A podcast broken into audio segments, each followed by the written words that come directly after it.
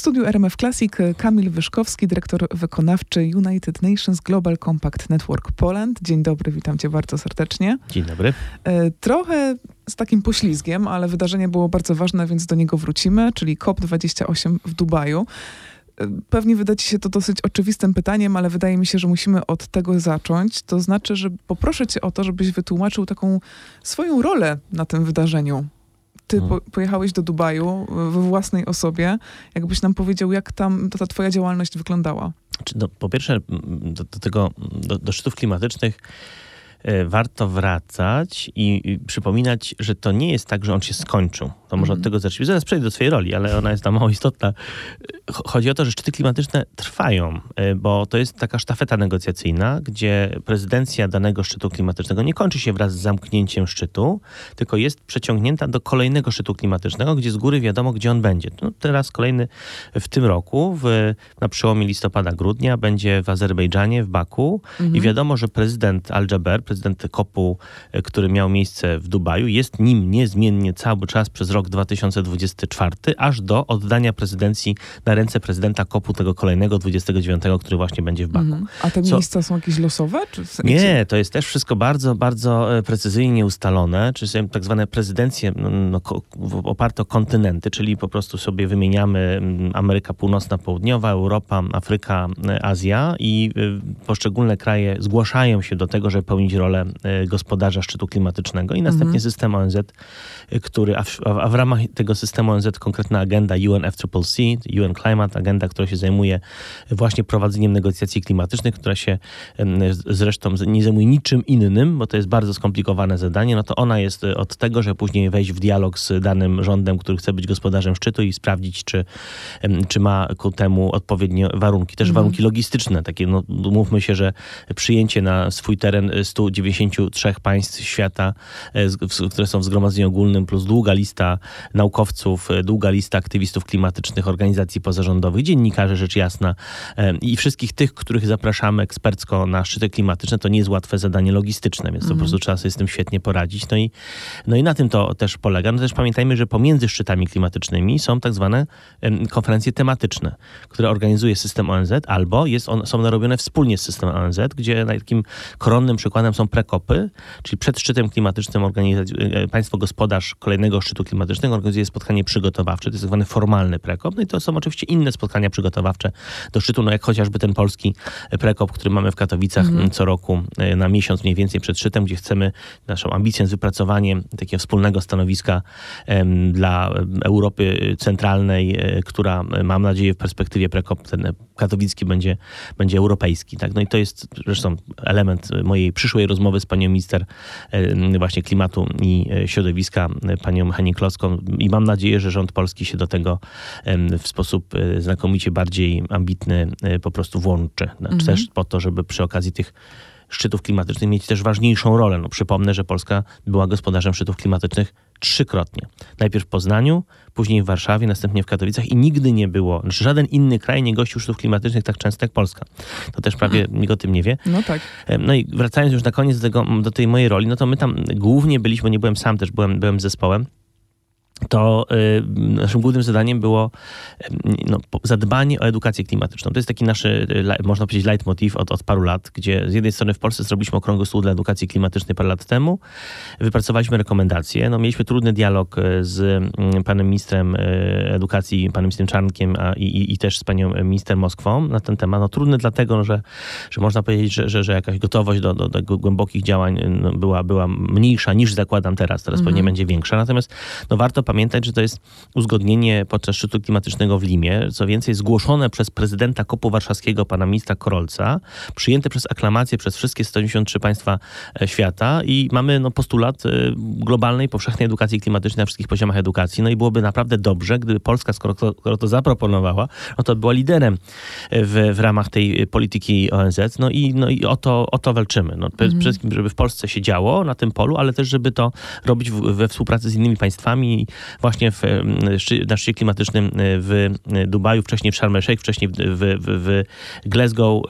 Robiliśmy spotkania dla kilkudziesięciu państw, teraz jest około 50, które prowadzą działania dla edukacji klimatycznej. Robiliśmy to wspólnie z UNESCO i z organizacjami pozarządowymi, które się tym tematem profesjonalnie zajmują. No i, no i proszę trzymać kciuki, bo to jest uważam absolutnie ważne i po to tam pojechaliśmy między innymi, oczywiście jeszcze były inne elementy bardziej związane ze współpracą z biznesem i zadbaniem o to, żeby tego biznesu proklimatycznego było jak najwięcej, a tych, którzy uprawiają greenwashing jak najmniej. Mhm. Powiedz mi proszę, jakie nastroje tak trochę o kuluary cię zapytam, mhm. tam panowały? To znaczy, czy, czy dało się wyczuć, że to będzie jakiś przełomowy moment, przełomowe spotkanie, czy, czy raczej powiedzmy gdzieś tam powątpiewano w to?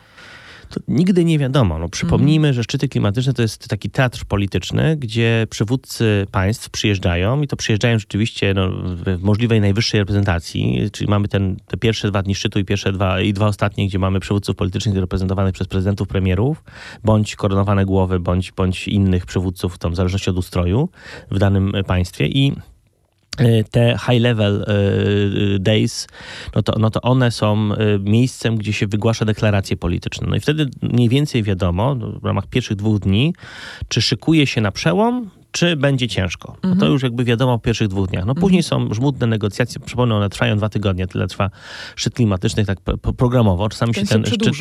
No zazwyczaj tak jest, że on się przedłuża o dwa, trzy dni, e, czasami nie, czasami się rzeczywiście kończy w terminie.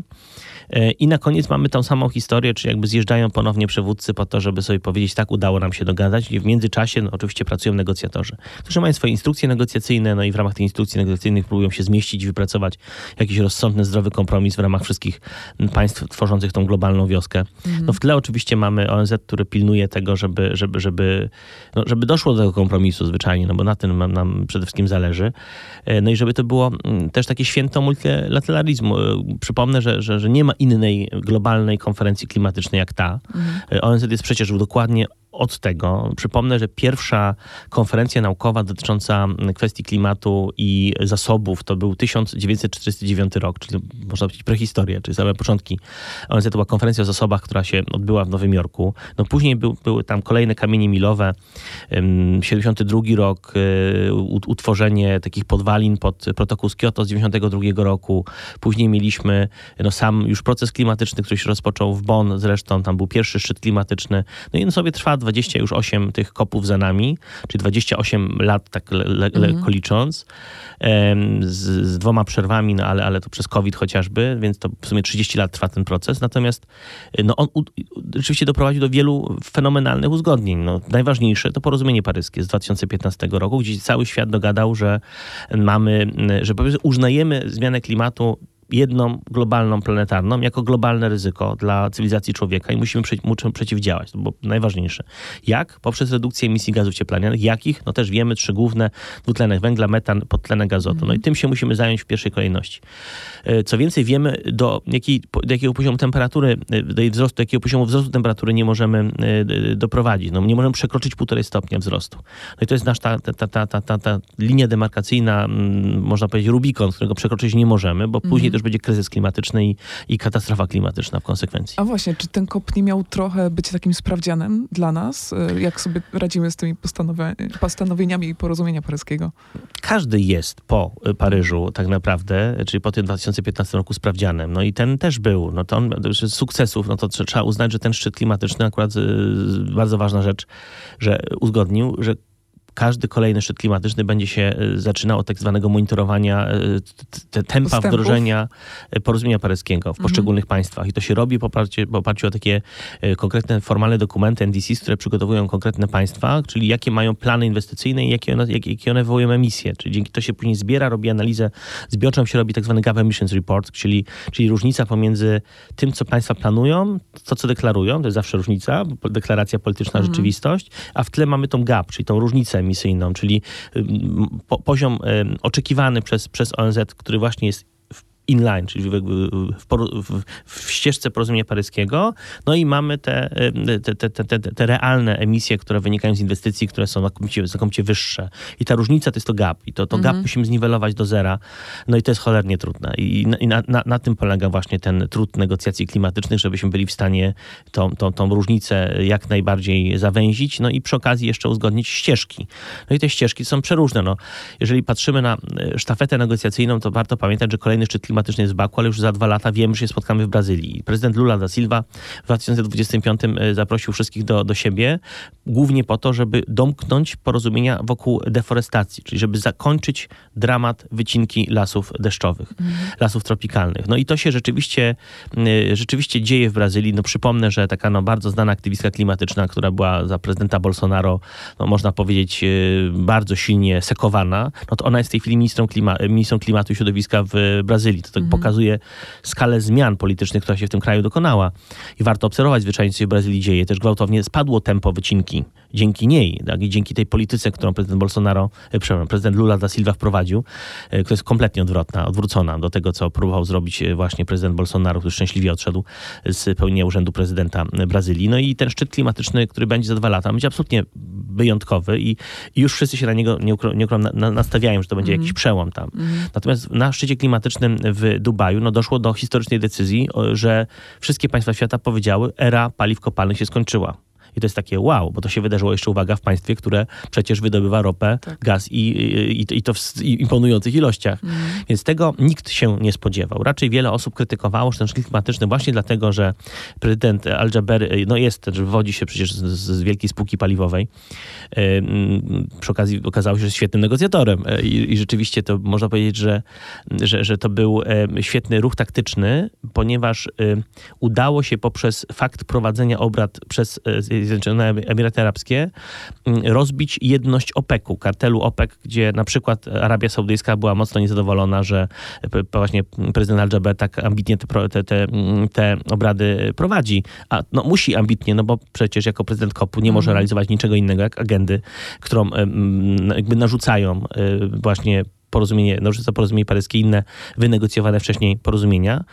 I to, I to był taki ruch taktyczny bardzo mądry, no bo nam się udało przy okazji tego szczytu klimatycznego osiągnąć kompromis, którego by się pewnie nie udało osiągnąć, gdyby to było w innym miejscu niż Zjednoczone Emiraty Arabskie, e, mhm. uważam. I to mówię też odważnie, głośno wszystkim krytykom, którzy koncentrują się na krytykowaniu szczytu klimatycznego tylko dlatego, że było w Arabii, w Zjednoczonych Emiratach Arabskich, a nie, a nie na przykład takiej Danii, tak? No, mhm. No przecież przypomnijmy, że mamy 193 państwa świata i nie może być zawsze w Danii. No, trzeba, trzeba ten, ten, tą, tą, no, otworzyć się na te państwa, które są e, też, e, które opierają swój, e, swoje bogactwo na wydobyciu kopalin i ich sprzedaży. No. To jest też takie działanie trochę otwierania oczu przecież. Jak się o tym rozmawia, to może łatwiej dojść do tej, do, do, do, do świadomości, komuś coś uświadomić. Absolutnie tak. No, jeżeli prezydent Kopu Al-Jaber no, odpowiada za spółkę paliwową, która wydobywa ropę, tam przypomnę, że to jest cztery, jeśli dobrze pamiętam, miliony baryłek dziennie. To jest, y, to Orlen przerabia 160 tysięcy baryłek dziennie, tak żeby okay. sobie porównać, tak, mhm. jakie skalę.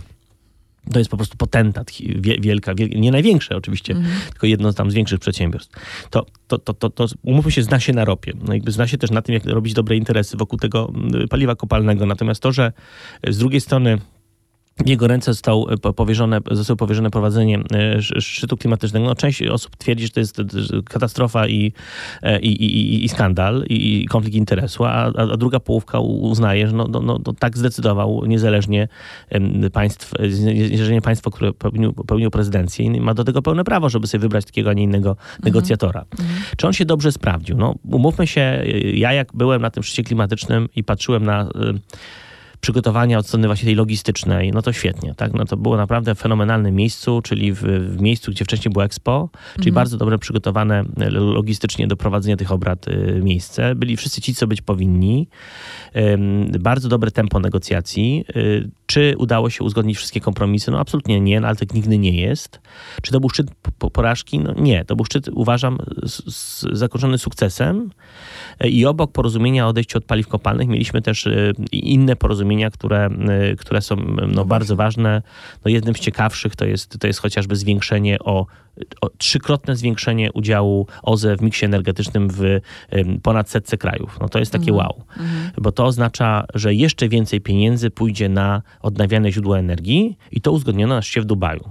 Uważam, niesamowite. I teraz, jeżeli ktoś chce krytykować szczyt klimatyczny, no ma prawo, ale też zawsze mm, takie próby spłycania w ogóle tego, tego, tego wątku e, lubię porównywać do, do, do, takiego e, zderzenia dwóch danych. Jeżeli ktoś mówi, że szczyt klimatyczny to jest miejsce, gdzie wszyscy przylatują jakimiś samolotami bądź odrzutowcami i tam e, się dzieją jakieś nie, nie wiadomo jakie rozmowy przy winie i kawiorze, no to po pierwsze dementuje, tam żadnego wina i kawioru nie ma, a jeśli już, to, to, to naprawdę no, ciężko się zdobywa te posiłki tam na miejscu, bo jest po prostu kupa ludzi ludzi w środku.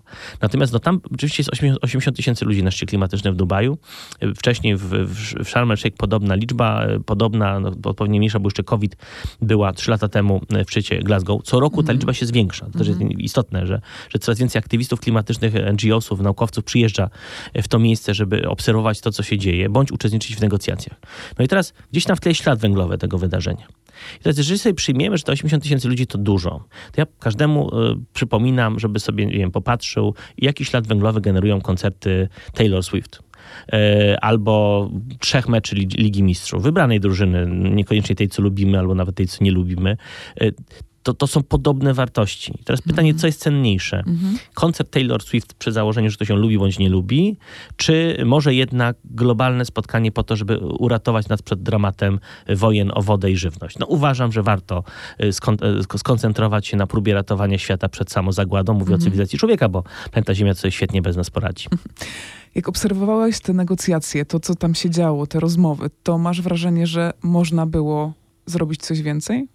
Zawsze można było zrobić coś więcej. I, mhm. i to jest trochę też rola właśnie takich, przepraszam, oddolnych małych robaczków, jak, jak osoby typu, czy instytucje typu UN Global Compact, gdzie, gdzie nasza rola w ramach systemu ONZ jest, jest, jest e, w sumie jasna. E, my, my jesteśmy od współpracy z biznesem, czyli naszym zadaniem jest popychać sektor prywatny w kierunku technologii, które są ambitne, które, które tworzą tak zwaną wielką klimatyczną rewolucję przemysłową.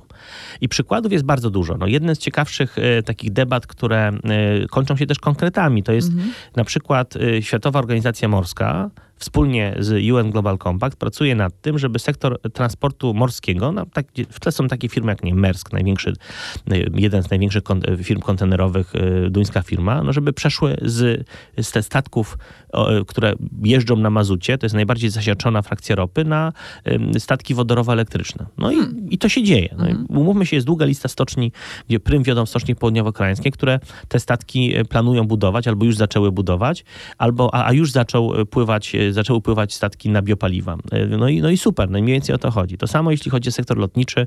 Jeżeli ktoś się e, obawia tego, że cholera jadę na wakacje i muszę wsiąść do samolotu, gdzie jest paliwo lotnicze, to dobra wiadomość polega na tym, że już w tej chwili mamy e, norweską firmę w tym przypadku, która produkuje samoloty elektryczne, które mają pułap, znaczy mają zasięg 800 km, na pokład wchodzi 24 osoby, są takie kontynentalne samoloty mm -hmm. i one już, ona, ta firma już sprzedała ponad 100 sztuk do SAS-u i do Air Canada. No fajna wiadomość, fajna. No wiadomo, że mają zamówienie vende po sufit mhm. E, i takich firm będzie więcej. Dlaczego będzie ich więcej? No bo będą pieniądze też, coraz większe pieniądze na tego rodzaju inwestycje w technologie zielone. No i to jest trochę nasze zadanie, czyli żeby, z jednej strony, żeby motywować Rebusa czy Boeinga, żeby wchodzili w, w, w nowe technologie, jeśli chodzi o przemysł lotniczy, takiego Merska, żeby jeszcze więcej inwestował e, w statki, które będą napędzane w bezpieczny sposób. No i przy okazji jeszcze, co pewnie warto e, dodać, no mamy sektor transportu samochodowego, gdzie bardzo dużo się dzieje. Ciężarówki wodorowe już są, samochody wodorowe przecież też są.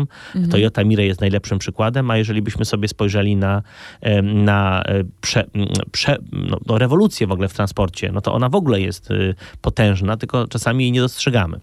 E, jednym z ciekawszych przykładów e, przy okazji tego szczytu klimatycznego, zawsze tam jestem najdłużej chyba, to jest tak zwany mhm. Science Pavilion, gdzie można, było, można sobie obejrzeć różne rzeczy, które są takimi technologiami przyszłości, ale niektóre rzeczy już są, nawet jeżdżą bądź latają, tylko jeszcze boimy się w to wsiadać. No, jeden z przykładów fajnych to jest taki pionowzlot, który, który będzie kiedyś autonomiczną taksówką, do której się wsiada, on po prostu pionowo się unosi w powietrze, jest tym helikopterem małym, mhm. gdzie w środku się zamyka człowiek w kabinie, nie ma żadnych przyrządów, możesz sobie czytać gazetę albo oglądać coś w komórce. Kierowcy, pilota też nie ma. Absolutnie. To ty, ty, ty wsiadasz do, do, do urządzenia, które cię przewozi z punktu A do punktu B, B i wszystko się dzieje w aplikacji. No i to jest mhm. przyszłość transportu. Mhm. Co więcej, y, polskie prawo lotnicze, podobnie jak innych państw, się powoli dostosowuje do tego, żeby nad taką Warszawą latały takie pionowzloty, które będą miały korytarze transportowe i ci będą przewozić z, y, nie wiem, dzielnicy Włochy w kierunku dzielnicy Śródmieście y, bez twojego w ogóle udziału i to w powietrzu. Tak? No i, i teraz czy takie urządzenie istnieje? Oczywiście tak, nawet do niego wsiadłem w tym no. Dubaju. No. Więc, więc to są takie fajne rzeczy, które pokazują, co się wydarzy za 5-10 lat, często szybciej niż myślimy.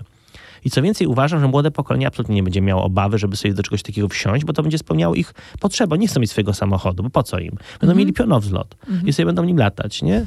I, no, i, no i super. Jak tam się czułeś w środku?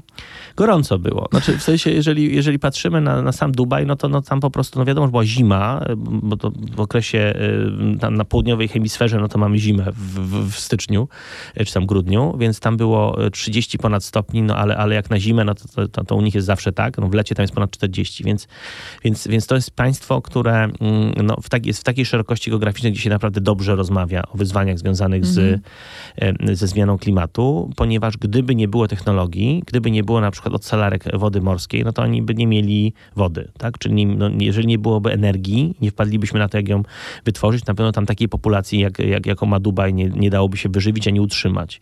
Więc wszystko tam wisi na technologiach i na dostępie do energii. Mm. No to, co jest też my, myślę ważne, że większość z y, naukowców, którzy tam byli, no, pokazywali przykład tego Dubaju, że to, że to może być perspektywa Ziemi przyszłości, jeżeli właśnie nie powstrzymamy tego wzrostu temperatur, no bo gdzieś tam w tle trwa wielkie szóste wymieranie gatunkowe, które opiera się głównie na tym, że bardzo szybko następuje wzrost temperatur, zmniejszenie wilgotności y, i zmniejszenie ilości wody dostępnej dla człowieka, czyli globalny kryzys wodny, no i, no i po prostu anomalie temperaturowe i mhm. anomalie pogodowe, których przecież doświadczamy przy okazji tegorocznej zimy chociażby, e, jak każdej innej przez ostatnich już tam trzy dekady. I, e, no, no, i, no, no i na tym polega e, mhm. też pewnie takie jakby zderzenie się z różnymi szerokościami klimatycznymi, różnymi miejscami. Jeżeli ktoś na przykład wędruje sobie od kopu do kopu i ma szansę poznać też specyfikę problemów poszczególnych państw, które sobie muszą ze zmianą klimatu jakoś radzić, a nie czasami ich na to nie stać. Mhm. Nie zawsze jest to w Dubaju, czasami są to szczyty klimatyczne organizowane w państwach o znakomicie mniejszym, niższym poziomie rozwoju. Mhm. Powiedz jeszcze tak na koniec e, takie mm, wyzwania, które stoją przed Polską, przed Europą w 2024 roku. Wyzwania środowiskowe oczywiście.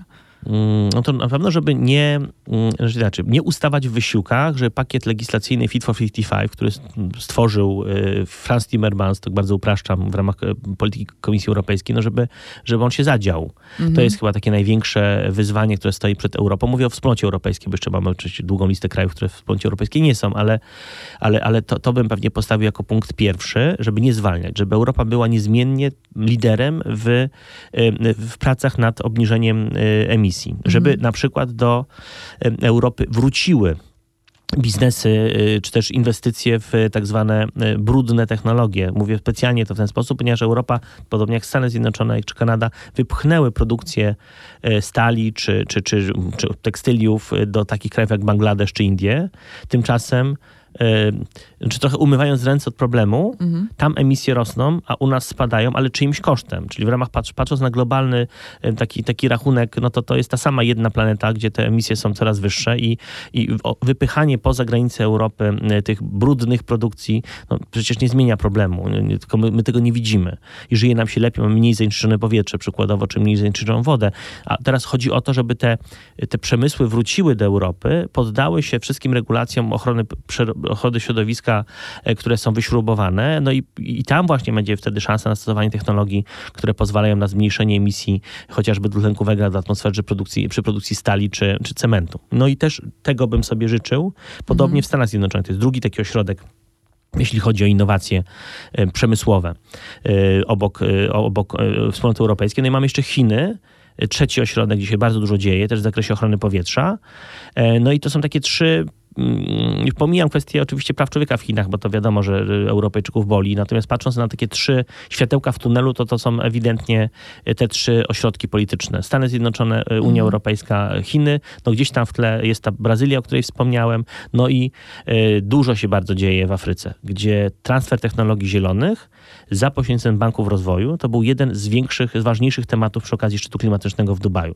Jak zadbać o sfinansowanie rozwoju państw o niższym poziomie, to się nazywa mechanizm loss and damage, zresztą uzgodniony w Sharm napełniony pieniędzmi, pieniędzmi w Dubaju, mhm. no i na, na kolejnym szczycie w Baku będziemy tą rozmowę kontynuować po to, żeby takie kraje jak wiem, Nigeria, Sudan Południowy, Jemen czy Somalia, albo tak dobrze zarządzane państwa jak Oman, gdzie jest przecież sułtan e, Omanu, e, żeby miały się jak najlepiej i żeby tam te, te technologie trafiały i żeby emisje w Afryce nie rosły, a spadały. I może będzie tak, to jest takie moje życzenie na przyszłość, żeby Afryka była pierwszym e, kontynentem, który przy obecnie niskich emisjach, bo tam jest po prostu zwyczajnie bieda, mhm. no, wypracował model rozwojowy, który pozwoli tam pokonać widmo wojen, głodu i przy okazji jeszcze nasycić tak intensywnie ten kontynent technologiami zielonymi, żeby był tym miejscem, gdzie dokonamy spektakularnej zmiany na lepsze. Bardzo Ci dziękuję. Ja dziękuję. Ja sobie życzę, żebyś do nas wrócił po tym szczycie w Baku i opowiedział, co tam się działo. Tak, to już za rok i pewnie się możemy umówić na taki plan. Nagrało się? W takim razie będę pamiętać. Dziękuję. Dobrze, dzięki.